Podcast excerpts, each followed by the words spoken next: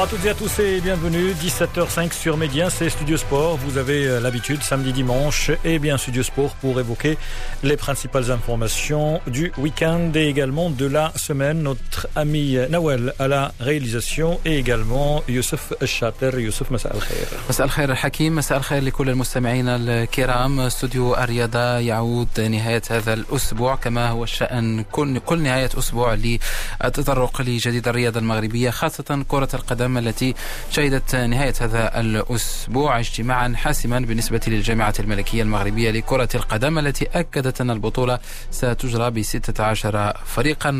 عوضها الحديث واللغط الذي ساحب هذه الإمكانية إمكانية رفع الفرق إلى 18 فريقا. Et le coup d'envoi du championnat, bien sûr, ce sera le 4 décembre, Youssef. طبعا حكيم بداية البطولة اشتقنا لها كثيرا البطولة المغربية بأشيائها الجميلة وأيضا بأشيائها السيئة دائما نطمح للتحسن تحسن المنتوج الكروي المغربي وأن نتابع بطولة أكثر ندية وأكثر إثارة وتشويق بين مختلف الفرق المغربية مجموعة من القرارات حكيم التي سحبت هذا الاجتماع اجتماع الجامعة الملكية المغربية لكرة القدم إلى جانب العصبة الوطنية وباقي العصبة الجهوية التي أو باقي العصب التي تشرف على البطولة المغربية كالعصبة النسوية لتسيير كرة القدم النسوية وأيضا كرة القدم داخل الصالة ومجموعة من الأمور الأخرى. سنتطرق مستمعينا الكرام ل طبعا ما جاء في هذا الاجتماع أبرز النقاط التي تهمنا خاصة على مستوى التنظيمي للبطولة المغربية بقسمي قسميها الأول أو الثاني كما سنعود حكيم للحديث عن استعدادات الأندية المغربية خاصة فريقي أولمبيك أسفي وفريق نهضة بركان L'Olympique de Safi, la Renaissance de Berkane, on le sait, la Renaissance de Berkane qui a remporté la Coupe de la CAF et disputera la Super Coupe d'Afrique, ça sera eh bien euh, au mois de l'année prochaine en tout cas, c'est ce qu'a annoncé euh, c'était vendredi la Confédération africaine de football contre le vainqueur du match de vendredi prochain entre Al Ahly et l'équipe du Zamalek. Vous le savez, la finale aura lieu vendredi prochain et euh, on ira également en Europe euh, bien entendu, le championnat de France marqué par la défaite euh, du Paris Saint-Germain le leader battu par l'AS Monaco 3 buts à 2 après avoir mené 2 à 0. Hier, la défaite du Barça face à l'Atlético Madrid plus que la défaite mais surtout c'est la blessure, la grave blessure de Piqué, l'international espagnol, en tout cas l'ancien international espagnol, pourrait être absent 6 à 8 mois. 3 à 4 mois disent la presse, euh, les journaux, mais des médecins prévoit que la saison est terminée. Le Barça a également perdu Sergio qui est sorti sur blessure et on rappellera également que le Barça est privé d'Ansu Fati, le jeune international espagnol blessé il y a quelques semaines. Et puis la défaite, les blessures, également le petit jeu, le mauvais jeu, tout ce qu'on peut dire à propos du Barça et surtout l'association Griezmann-Messi. Ça ne marche absolument pas. On va y revenir dans quelques instants. Et puis également le football européen en vedette ce soir. Eh bien Naples face au Milan AC. Le Milan AC, le leader invaincu face à Naples hier. La Juve, le champion sortant, s'est imposé grâce à un doublé de Cristiano Ronaldo. Voilà pour le football. Et puis d'autres disciplines, le taekwondo, on écoutera Youssef euh, Benani, membre euh, fédéral et chargé de la commission des arbitres au sujet de la participation marocaine au championnat du monde virtuel de taekwondo en Corée du Sud. Et également, parmi les invités, Amin euh, Zaliat, fondateur de Tibu Maroc, au sujet du partenariat entre avec l'ANAPEC pour l'accompagnement des jeunes à l'insertion professionnelle pour le sport. À la fin de cette édition, et eh bien votre capsule avec Wadia Ouhti. Voilà pour le sommaire, le football au Maroc à la une, n'est-ce pas Youssef? طبعا كرة القدم المغربية حكيم أكيد أن الكل تابع باهتمام نتائج هذا الاجتماع ودون مفاجآت حكيم بطولة الموسم المقبل ب 16 فريقا. Normalement, il devrait y avoir un championnat, donc on a la confirmation qu'on jouera au football. يوم الرابع من دجنبر بداية البطولة المغربية الاحترافية في موسمها الجديد. موسم خاص مجموعة من الأمور كما قلت سلفا التي سنتابعها للمرة الأولى. أولا تأكدنا أن البطولة تنطلق يوم الرابع ب 16 فريقا. هناك أيضا فيما يخص البنيات التحتية تكسية ملاعب ثانية الرمل بتطوان الملعب البلدي بوادزم وملعب أحمد شكري بزمامرة بالعشب الطبيعي ودون اعتماد العشب الاصطناعي. بالتالي هذه الفرق ستبدأ البطولة باحثة عن ملاعب لإجراء مبارياتها. إجراء مبارياتها حكيم. والمشاكل بدأت من الآن بالنسبة لهؤلاء الفرق. على أي نواصل مع بعض الأمور الأخرى نقطة مهمة جدا وقرار يجب أن نشيد به هو آه، فرض الأندية الجامعة على الأندية المغربية المشاركة في آه، بطولة خارجية واحدة من أجل عدم تضارب التواريخ الخاصة بمباريات سواء البطولة العربية البطولة بطولة دوري أبطال إفريقيا أو كأس الكونفدرالية الإفريقية. بالتالي سيخصص مقاعد أكثر بالنسبة للفرق من أجل خوض آه، المنافسات الخارجية. أيضا نستمر على قانون المدرب في حالة إقالة أي مدرب أو فك الارتباط به على مستوى نادي. لا يمكن أن يتعاقد مع نادي آخر يمارس في الدرجة نفس الدرجة. يعني إذا كان مدرب في فك ارتباطه مع فريق في البطولة المغربية الاحترافية الأولى لن يكون لديه الحق أن يشرف في نفس الموسم على فريق آخر. أيضا نجاح استعمال تقنية الفيديو ستعمم في البطولة المغربية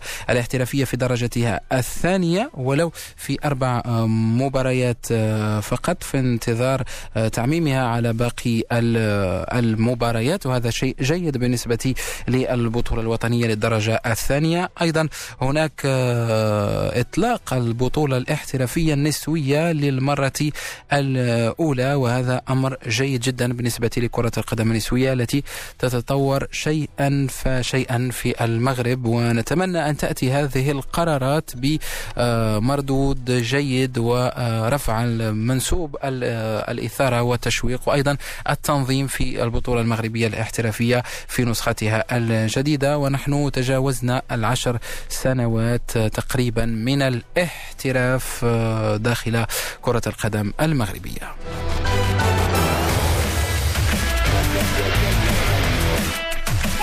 نواصل مستمعينا الكرام بعد أن حاولنا أن نلخص ما جرى في هذا الاجتماع الذي عقد بالأمس. نذكر أن القرعة قرعة البطولة المغربية الاحترافية ستجرى اليوم مساء اليوم ونتعرف على الرزنامة الخاصة بالموسم الجديد. الموسم الجديد الذي ينطلق ب أو سينطلق بمجموعة من الرهانات هم الأندية المغربية. رجاء مثلا الذي سيبحث عن الحفاظ عن لقبه ويعيش يعيش فترة انتقالية بعد إعلان رئيس الفريق جواد الزيات استقالته آه، من آه، رئاسة النادي والإعلان عن جمع عام آه، استثنائي خلال شهر دجنبر المقبل من أجل اختيار رئيس جديد يشرف على الفريق فيما تبقى من من المواسم القادمة. أيضا فريق الوداد الذي عين فوزي البنزرتي التونسي كمدرب أول سيبحث عن التتويج مرة أخرى واستعادة لقبه الذي فقده السنة الماضية. وأيضا هناك فرق أخرى ننتظر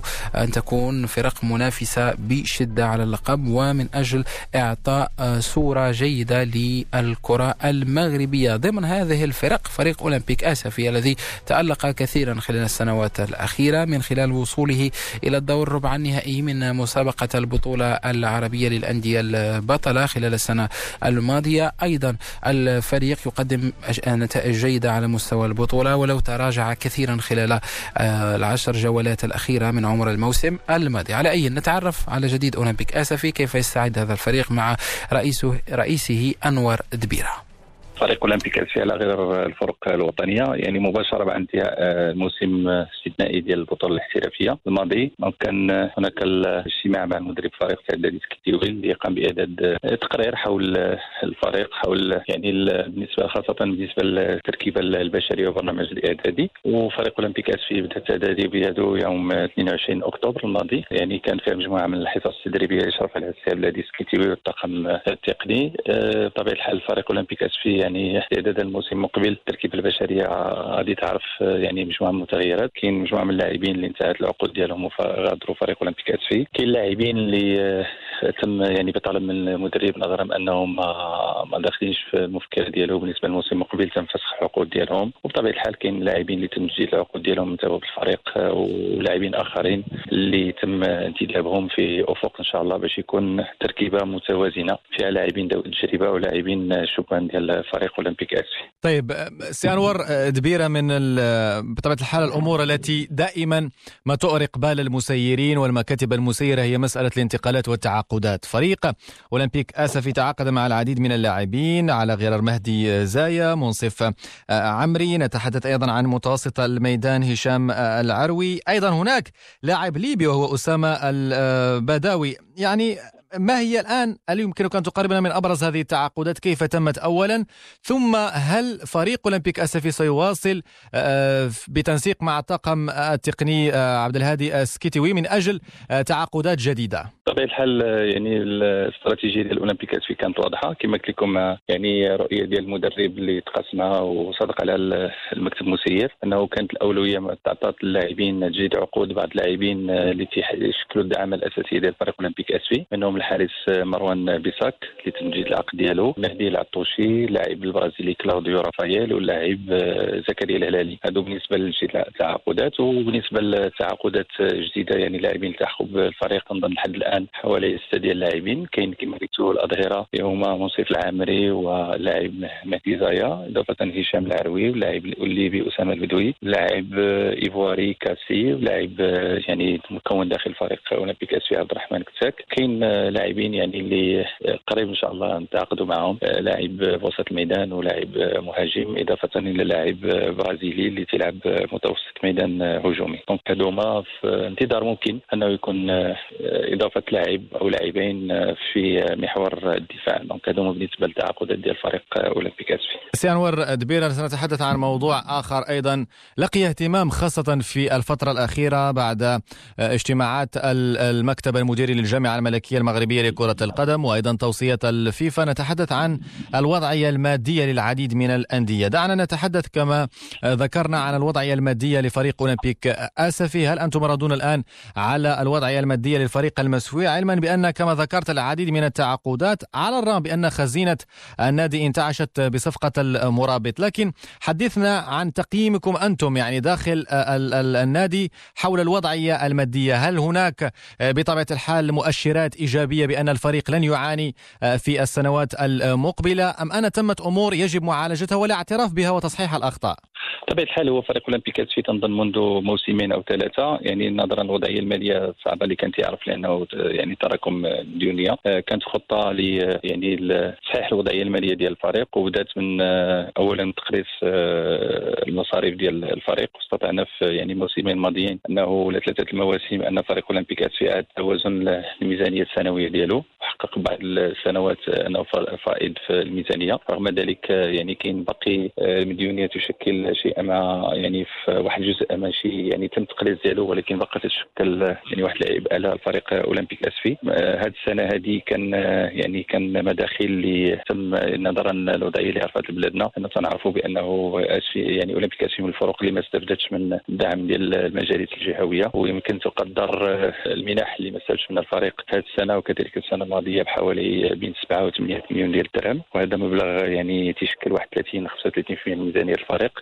فريق اولمبيك هذه السنة هذه بالنسبة يعني دائما تنحاولوا نحافظوا على التوازن المالي ديالنا وتنخلصوا من المصاريف خاصة منح التوقيع. دونك إلى درنا يعني واحد كان واحد التوازن بين اللاعبين اللي غادروا الفريق واللاعبين اللي تم فسخ العقود ديالهم مع اللاعبين اللي تم انتداب ديالهم باش نبقاو دائما في حدود الميزانية اللي تشتغلوا بها دائما. وكما تعرف الجميع ان الميزانية ديال الاولمبيك اسفي يعني ما تتجاوز سنويا 23 حتى ل 24 مليون ديال الدرهم الأكيد أن الفرق الوطنية ستعاني هذا الموسم لأنه عرفنا بأنه كاين مجموعه من الفرق اللي تحرمت من العائدات ديال المداخيل ديال الجماهير وكذلك من العائدات ديال المجالس المنتخبة وكذلك بعض المستشارين. صحيح أنه خصو يكون ناخذ بعين الاعتبار الجامعة تؤكد بأنه خصو يكون توازن مالي ذات الفرق ولكن ناخذ بعين الاعتبار بأنه هذه السنة سنة استثنائية باش تكون يعني واحد المقاربة يعني فيها شوية شيء من المرونه مع الفرق باش يمكن لهم يواجهوا الاعباء ديال الموسم المقبل إن شاء الله.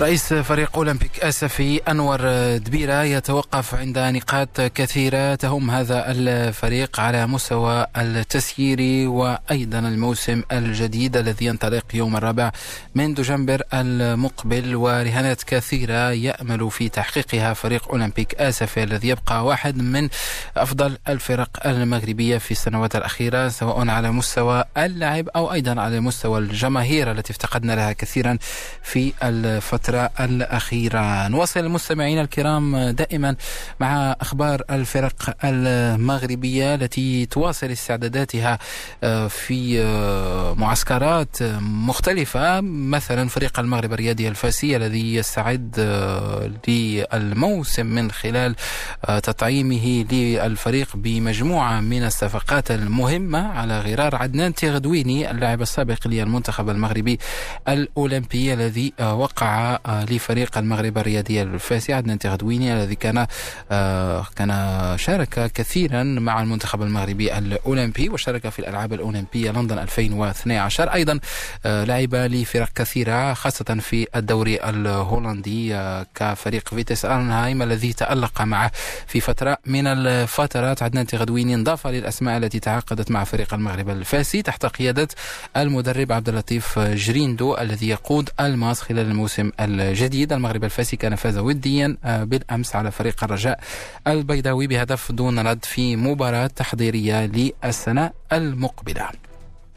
أيضا من الفرق التي تواصل استعداداتها للموسم فريق نهضة بركان الذي يحضر في أجواء جيدة جدا بعد أن فاز بكأس الكونفدرالية الإفريقية. أيضا كان قريبا من التتويج بلقب البطولة المغربية لولا العثرات في آخر آه، الثلاث جولات من البطولة المغربية خاصة أمام نهضة زمامرة ببركان. فريق نهضة بركان تعاقد مع إبراهيم البحراوي هدف البطولة المغربية إضافة قوية بالنسبة للفريق البرتقالي ومدربه طارق أسكيتي نهضة بركان المعني أيضا بخوض كأس السوبر الإفريقي أمام الفائز من مباراة الأهلي والزمالك المصريين المباراة التي ستلعب يوم الجمعة المقبلة باستاد القاهرة. وحديث كبير على أن رضوان جيد قد يكون حكم هذه المباراة. إذا حدث ذلك سيكون تتويج لمسار رضوان جيد في الفترة الأخيرة ومردود المرموق في البطولات الإفريقية خاصة مسابقة دوري أبطال إفريقيا. كما قلت نهضة بركان يواصل تحضيراته للموسم الجديد. معنا اليوم الكاتب العام لفريق نهضة بركان محمد القاسمي الذي يحدثنا بداية على نقل آه، بطولة السوبر الإفريقية من الدوحة إلى آه، القاهرة. وجهة نظر فريق نهضة بركان عن هذا الأمر مع محمد القاسمي الكاتب العام للفريق. الخبر توصلنا به عبر وسائل الإعلام. الخبر الرسمي بالنسبة للفريق مازال ما توصلنا منه. ولكن هذا ما كيمنعناش باش نعطيو واحد الملاحظات مجموعة من الملاحظات ديالنا. بالنسبة للقرار وهو على غير العادة كان الموسم الفارط هناك واحد اتفاقية ما بين الكاف جميع المقابلات النهائية لظرف ثلاث سنوات تجرى بالدوحه ولكن سمعنا دابا غادي على غير العادة غادي تغير وترجع للقاهرة. الموقف ديال نهضه بركان تمنينا يكون ملعب محايد ولكن كنقولوا بأن هذا الوضع استثنائي؟ وتكون مقابلة استثنائية في هذا الوضع اللي كتعيشها البشريه جراء هذا الوباء. إذا مشات الأمور كما كاينة غتكون مقابلة بالطبع بدون جمهور. وهذا يلا غادي يكون عندك 50% لصالح الفريق المحلي و50% لصالح بركان ذاك الضغط ديال الجمهور اللي كتمتاز به المباراة اللي كتجرى في القاهرة عندنا عليه واحد الذكرى سيئة هو ديال النهائي اللي جريناه في الديار المصرية. حوالي 80 حتى 100 الف متفرج ضغط نفساني. ضغط على اللجنه المنظمه إلى آخره. تكون مقابلة مصيرية. اولا باش نزكيو المطار الجيد اللي فاتو ناط بركان في المطار ديالو الإفريقي. ثانيا باش ديك المسؤولية اللي عاتقنا باش نمثلوا الكرة المغربية على أحسن وجه خصنا نكونوا في نهارنا. هذا هو المهم. نعم. وبالتوفيق لفريق نهضة بركان في هذه المباراة مباراة السوبر الإفريقي من أجل حيازة لقب إفريقي آخر. بالنسبة لهذا الفريق نتحدث عن كرة القدم المغربية محليا الفريق أنهى الموسم الماضي في المركز الثالث. الآن بدأت الاستعدادات للموسم الجديد. الفريق أجرى آه، بعض التعاقدات من أجل تقوية التركيبة آه، البشرية. آه، مواصلة الثقة في طارق سكيتيوي. كيف تستعدون سي محمد القاسمي لموسم جديد. ربما الرهان سيكون هذه المرة تحسين المركز الثالث وربما البحث عن تحقيق البطولة المغربية. بالنسبة لفريق نهضة بركان يلا كانت واحد الاستراحات المحارب ما عندناش استعداد للموسم جديد. علاش؟ كان عندها محطات واستحقاقات كثيرة. كما كتشوفوا هنا البطولة في شوية متاخره وربما كان اطول موسم في تاريخ الكره الوطنيه هو هذا الموسم حوالي 15 شهر ضبط المقابلات ديال الكاف اللي كنا موجودين لها اذا نعتبرها كاستراحه كان تمديد للموسم الرياضي 18 19 و 19 20 و20 21 ثلاث مواسم والفريق ما ذاقش طعم الراحه واللي الامتياز كما كتقول الفريق بركان هو آه الحمد لله كان الاستمرارية وهذا هو آه إذا بغينا نقولوا نقطة قوة فريق ناس بركان المحطه ديال حاليا لاستعداد الموسم كتواجد بالرباط. اختارينا الرباط لأعتبارات مختلفة اولا لأعتبارات نفسيه خرجنا اللاعبين من مدينة بركان باش نمشيو بعيد باش نخرجوا شوية ذاك الضغط النفساني وذوك الاحتفالات اللي كانت مع هذا الظفر بالكأس الإفريقي. خليناهم باش يرتاحوا ونخرجوا مع الضغط. ثانيا الاعتبارات التقنيه الرباط محور الرباط الدار البيضاء. الحمد لله كتواجد مجموعة ديال الفروق الرياضيه وعلى حساب الطاقم التقني المقابلة الحبيه اللي بغى ياخذها ياخذها في وقتها وكثرة الملاعب. ثانيا الاعتبارات الاداريه كنكونوا قراب لمركز القرار باش نأهلوا هاد اللاعبين لدى الجامعة الملكية المغربية لكرة القدم. واذا كان شي لعاب كما كتقولوا الانتدابات كيكونوا قراب باش نكونوا في نهارنا ونوجدوا مشاريع اداريه في أقرب وقت. محمد القاسمي الكاتب العام لفريق نهضة بركان وبتوفيق للفريق خلال الموسم الجديد خاصة في المسابقات الإفريقية التي سيعود إليها للدفاع عن لقبه وأيضا في مباراة السوبر الإفريقية التي سيلتقي خلالها بالفائز من مباراة الأهلي المصري والزمالك المصري حكيم Justement, et euh, peut-être que l'arbitre marocain Ardouane Jiyid va diriger cette finale. En tout cas, pour l'instant, la Confédération africaine de football a retenu trois noms le Marocain Ardouane Jayid, l'Algérien Mustafa Garbal et le Zambien Chikazoui. Eh bien, elle va décider mercredi prochain, peut-être euh, l'avare, peut-être le côté technique ou bien sur le terrain. En tout cas, eh bien, la Confédération africaine n'a pas encore euh, tranché.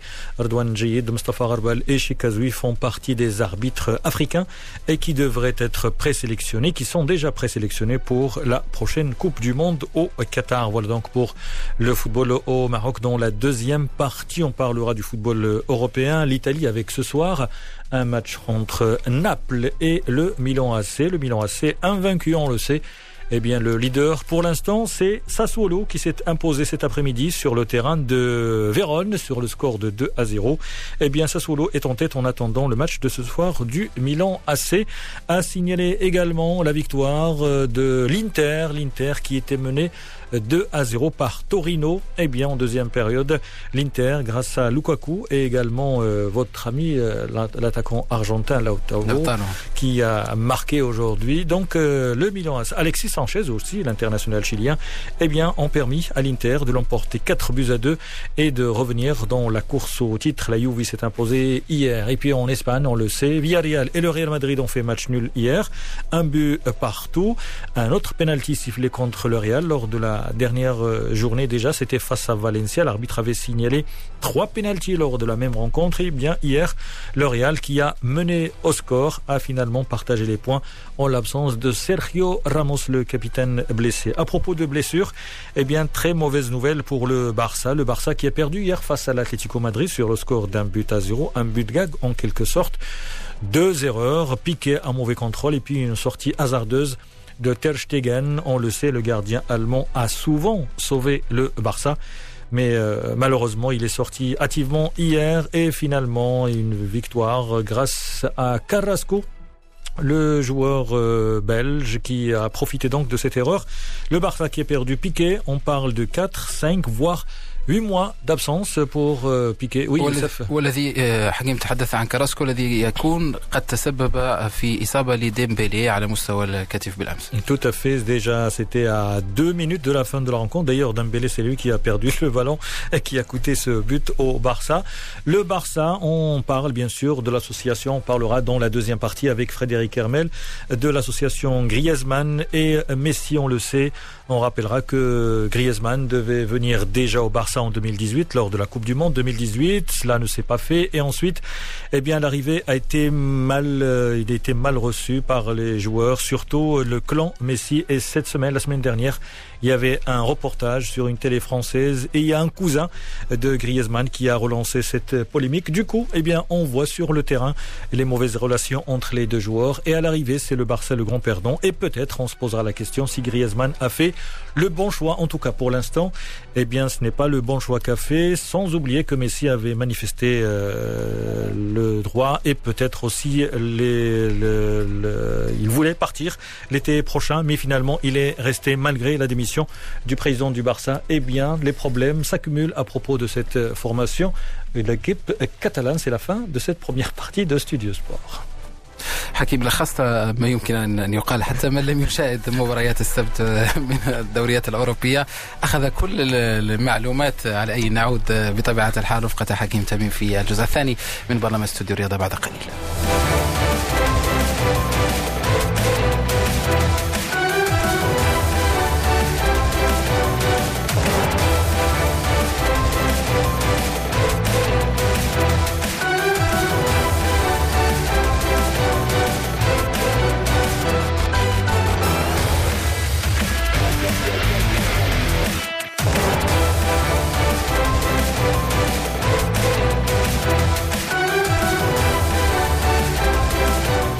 La deuxième partie de Studio Sport, le football européen. La première, on a parlé football euh, au Maghreb, euh, l'Afrique, euh, l'Europe donc. Avec l'Italie, hier, Tottenham en Angleterre a disposé de Manchester City 2 à 0 dans la confrontation entre bien vous le savez, Guardiola et Mourinho.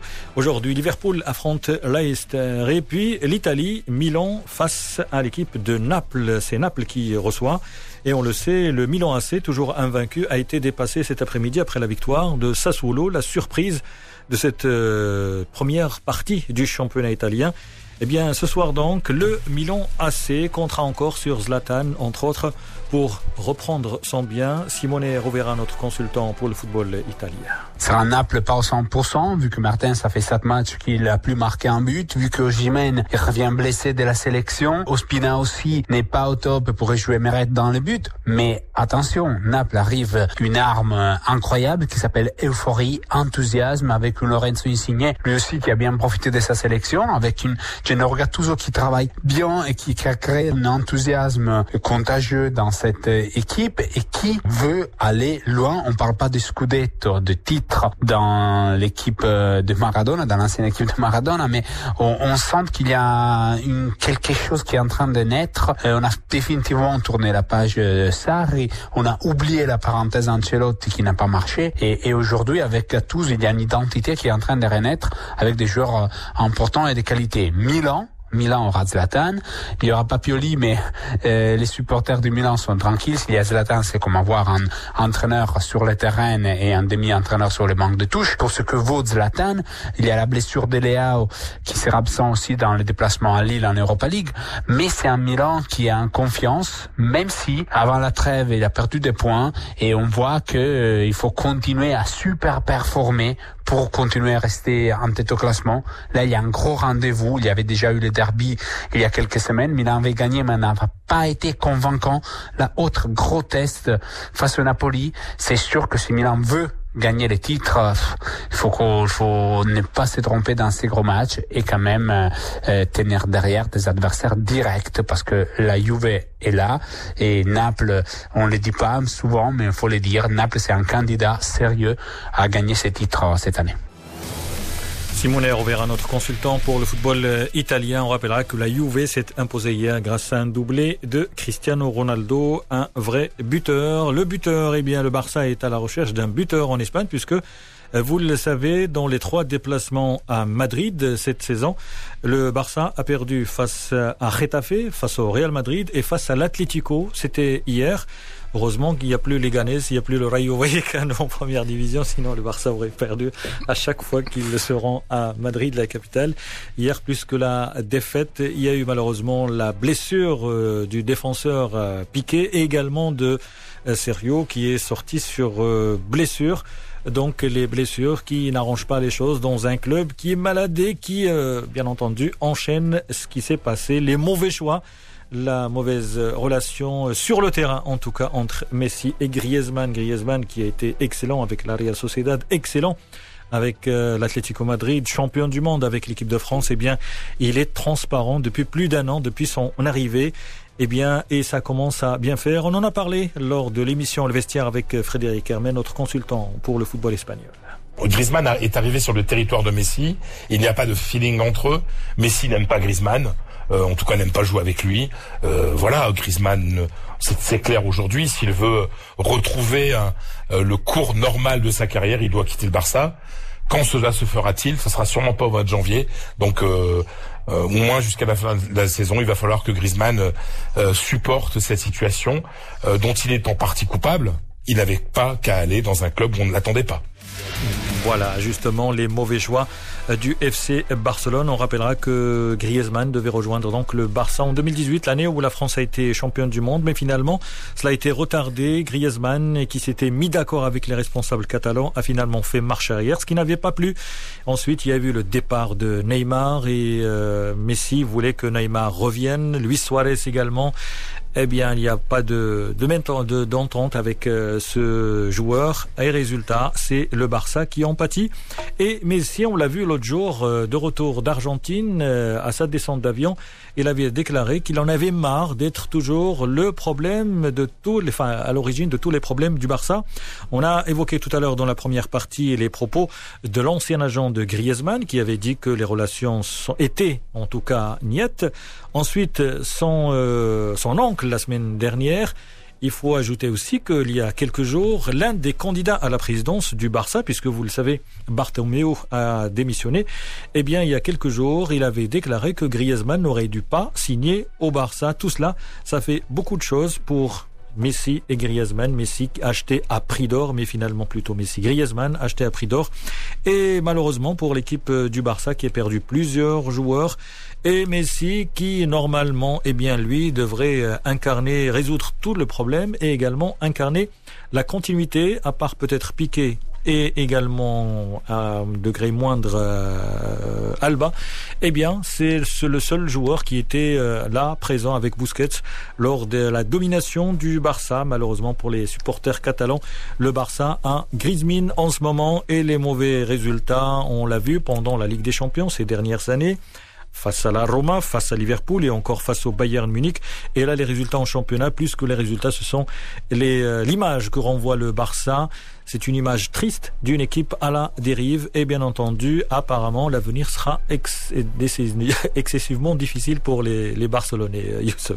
طبعا حكيم ربما ملاحظة بخصوص الهجوم خط هجوم برشلونة التي الذي أنهى به المباراة بالأمس جريزمان أكثر من 120 مليون يورو ديمبلي تقريبا نفس الرقم وأيضا كوتينيو أغلى صفقة في تاريخ الفريق أكثر من 130 مليون يورو أرقام مهولة لكن دون أداء ومرض مردود على مستوى رقعة الملعب وبرشلونة التي سيطرت كثيرا على مستوى القارة. العجوز وأيضا على مستوى العالم تدهور حالها إلى آه، تقريبا المركز العاشر. حكيم في هذه الفترة السيئة بالنسبة لتاريخ برشلونة التي تبحث أولا عن رئيس من أجل آه، تنظيم البيت من الداخل ثم آه، البحث عن مدرب جديد قد يكون تشافي خلال المواسم المقبلة أو سيتم الاحتفاظ مع برونالد كومان الذي يبدو أن مشروعه بدأ بشكل سيء إلى حدود هذه الفترة من الموسم. قد تتغير الأمور كما تغيرت في موسم مع لويس إنريكي ولو أن الأمر صعب بما أن الفريق آنذاك كان يمتلك سواريز نيمار وأيضا ميسي في أقوى فتراته الكروية.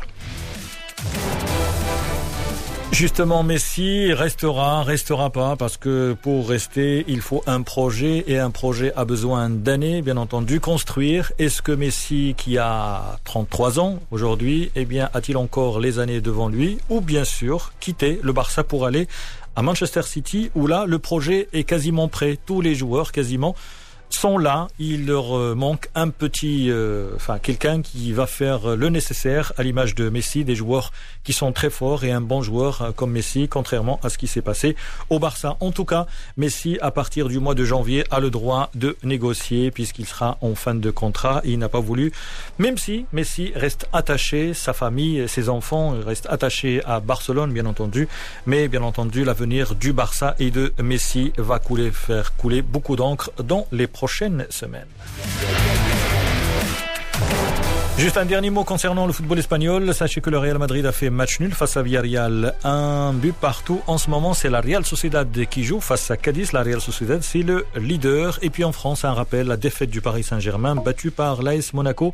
Les euh, Parisiens ont mené 2 à 0, un doublé de Mbappé, mais finalement l'AS Monaco a renversé la tendance. La troisième défaite du PSG après Lens et l'Olympique de Marseille cette saison. On change de discipline pour parler euh, taekwondo à présent. Taekwondo, notre invité, eh bien, il s'agit de Youssef Ben Ali. On va parler de taekwondo.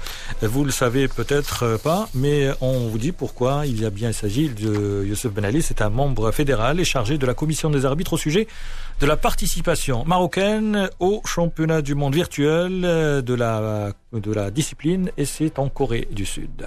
Comme vous le savez, les championnats du monde de taekwondo poncé, qui devaient normalement et initialement être organisés au Danemark au mai 2020 ont été annulés en raison de la pandémie. C'était l'un des nombreux autres événements sportifs dans le monde qui ont été reportés ou annulés cette année. Aujourd'hui, plus que jamais, nous devons rester sains et positifs. La Fédération internationale de, taekwondo a décidé d'organiser un championnat poncé en ligne en novembre 2020 qui s'étale euh, jusqu'au 15 décembre. Une initiative visant à aider la famille mondiale de taekwondo à rétablir une certaine forme de normalité et à rester positif face à l'adversité. La famille mondiale de taekwondo pourra pratiquer et concourir dans notre sport bien aimé d'une sécurité et un confort relatif l'équipe marocaine qui participe euh, à ce championnat du monde. Euh, parlez-nous des taekwondistes qui participent, euh, les taekwondistes marocains. L'ensemble des, des, athlètes, normalement, comme vous avez mentionné la dernière fois, au mois de mai lors du championnat national de Poncé. Alors, euh, ces athlètes-là, ils ont participé plusieurs euh, championnats en virtuel. La, fédération, il les a rassemblés euh, mercredi à Rabat pour enregistrer les vidéos qui vont normalement être envoyées sur la plateforme de euh, la Fédération internationale de taekwondo. Alors, euh, une dernière euh, question, Youssef Benali, concernant justement cette équipe marocaine. Quelles sont les chances de l'équipe marocaine dans ce championnat, sachant que la Fédération royale marocaine avait anticipé avec une organisation d'un championnat virtuel au mois de mai Est-ce que ça pourrait aider justement les athlètes marocains dans ce championnat? Oui, bien sûr. Les Marocains, ces Marocains-là, ils ont, ils ont eu des médailles d'or en virtuel. Le Maroc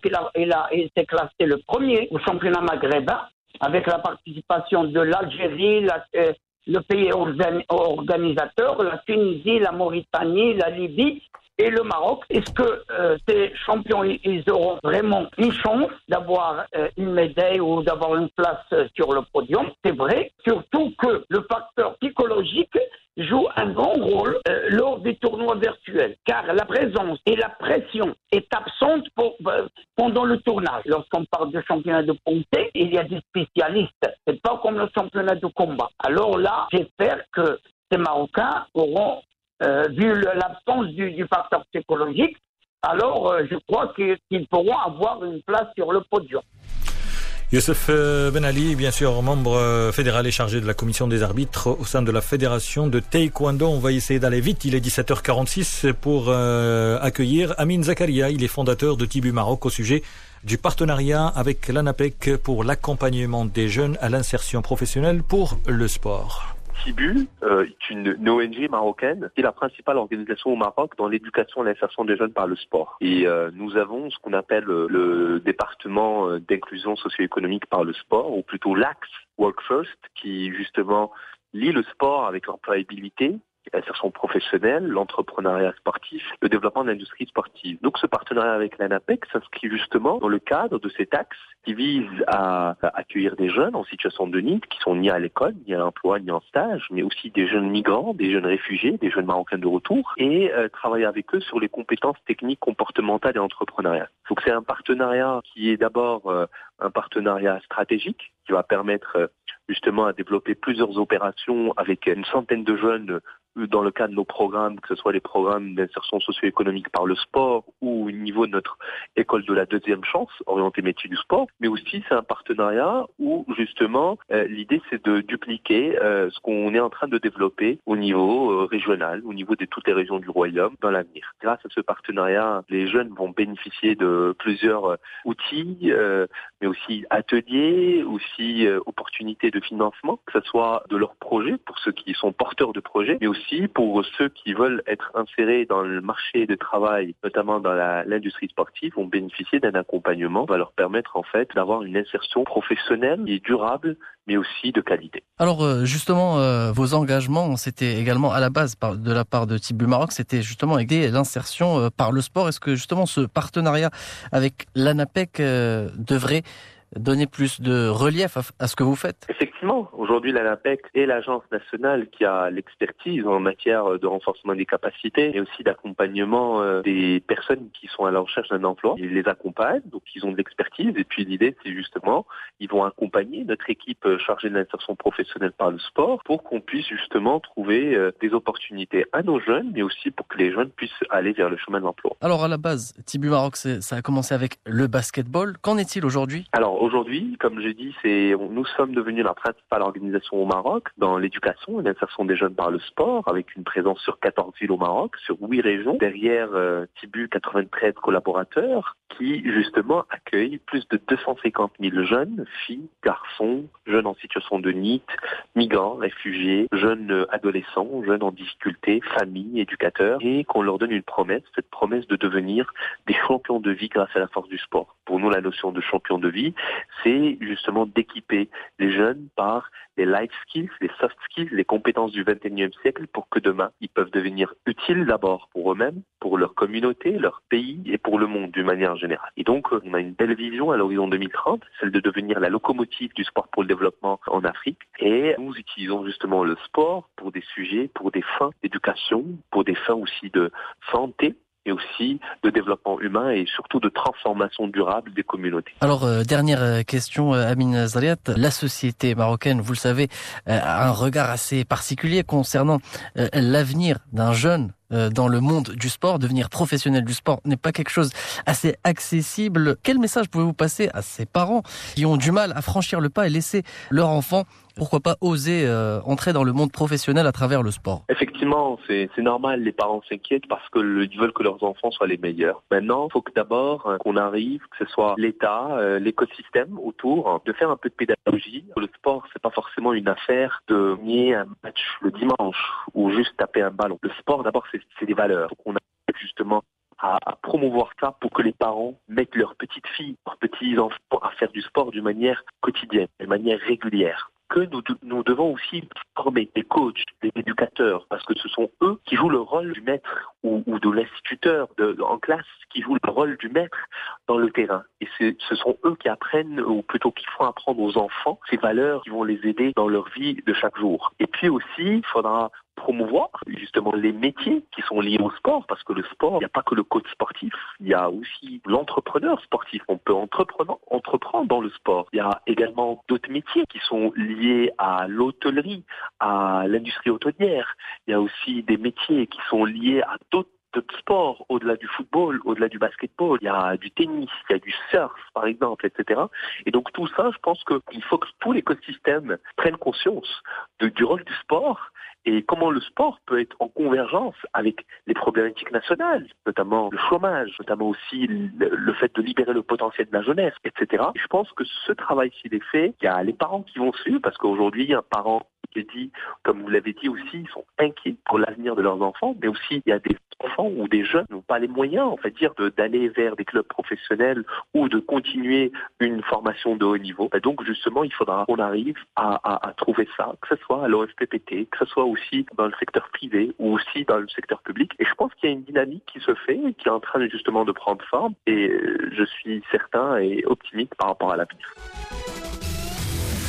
نصل مستمعينا الكرام لختام هذا العدد من برنامج استوديو الرياضة قبل ذلك. نتوقف مع الفقرة القارة التي يقدمها الزميل وديع أوحتي. هذا الأسبوع قاموس الرياضة. نتحدث عن التسلل.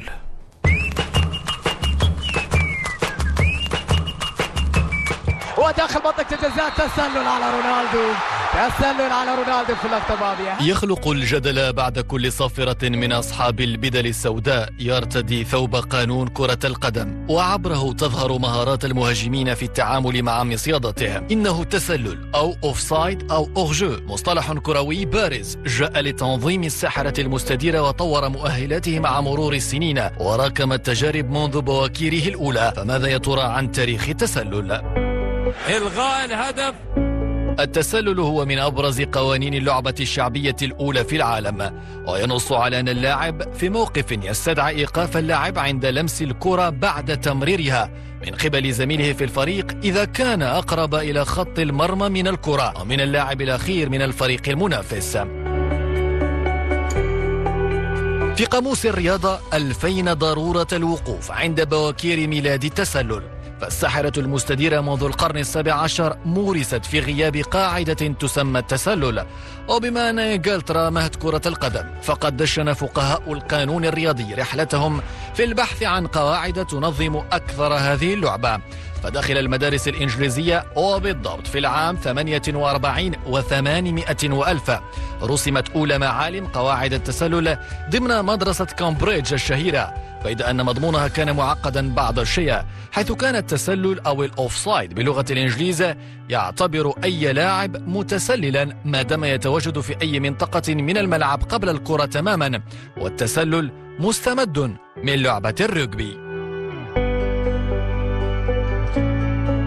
قواعد التسلل ومع مرور العقود مرت بالعديد من المحطات القانونية التاريخية يقربنا منها الخبير التحكيمي المغربي محمد الموجه. المحطات الأساسية اللي عرفت التطور ديال المادة 11 اللي كانت 1926 اللي كتعرفوها التعديل ديال تواجد مدافعين بين خط المرمى وبين المهاجم والكرة. وغادي تستمر حتى 1990 فين غادي تعرفوا واحد التعديل اللي هو مهم والاعتبار ديال التواجد في نفس الخط مع المدافع ما قبل الأخير أو مع المدافعين الأخيرين كتجي الصياغه ديال 1995 1996 واللي غادي يبدل المشرع التعريف ديالو ديال التسلل وما غيبقاش يبدا العبارة يعتبر اللاعب متسللا وغادي يدير بأنه التواجد في موقف التسلل ليس في حد ذاته مخالفة. وبالتالي هنا كيعطي الاعتبارات اللي كيكون فيها التسلل. 2009 غيجي التغيير اللي كان اللي وقعت في كاس أوروبا 2008 واللي هي اللاعب المدافع اللي كيكون بورتي بار ليلون كنبقاو دائما نعتبروه فوق خط المرمى. وبالتالي إنه حاولت إنه تقيد الحركة ديال المدافعين باش ما يسقطوش المهاجمين في التسلل. وكتجينا الصياغة ديال 2016 2017 فين غيجي المشرع وغادي يولي يعتبر اليد ديال المدافع واليد ديال المهاجم كلهم ما تاخذوش بعين الاعتبار في احتساب التسلل. على العموم أنه التسلل غيبقى دائما كيطرح الإشكال ما دامت أنه التداخل مع الخصم والتداخل في اللاعب كيبقى دائما من تقدير الحكم وغتبقى دائما أنه المتعة ديال كرة القدم هي في مثل هذه الأشياء. على مر السنين شكل الحسم في وضعية التسلل صداعا للحكام مهما بلغت درجة تجربتهم. فكم هي الكثير من الأهداف التي سجلت واحتسبت وهي في حالة تسلل؟ على أشهرها هدف كريم بنزيما في مرمى أوكرانيا في الملحق المؤهل إلى مونديال برازيل 2014 هنا تسلل يا صاحبي هنا تسلل ملا مساعد؟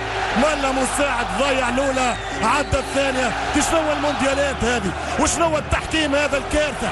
وشنو الحكام؟ وشنو وشنو ولتقديم يد العون لأصحاب البدل السوداء بهدف بلوغ نسبة كبيرة من القرارات الصحيحة جاءت التكنولوجيا لخدمة كرة القدم فظهر الفار وخط التسلل ثلاثي الأبعاد. فباتت الأخطاء التي كانت شائعة. في الماضي نادرة في الوقت الراهن بيد أن الوضع كان جدليا خلال العام الأول من تطبيق التقنية في الدوريات الكبرى.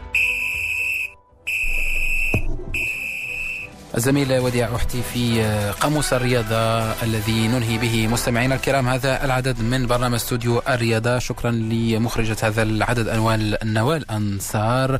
لم يبقى لي سوى أن أشكركم على حسن الإصغاء والمتابعة. إلى اللقاء.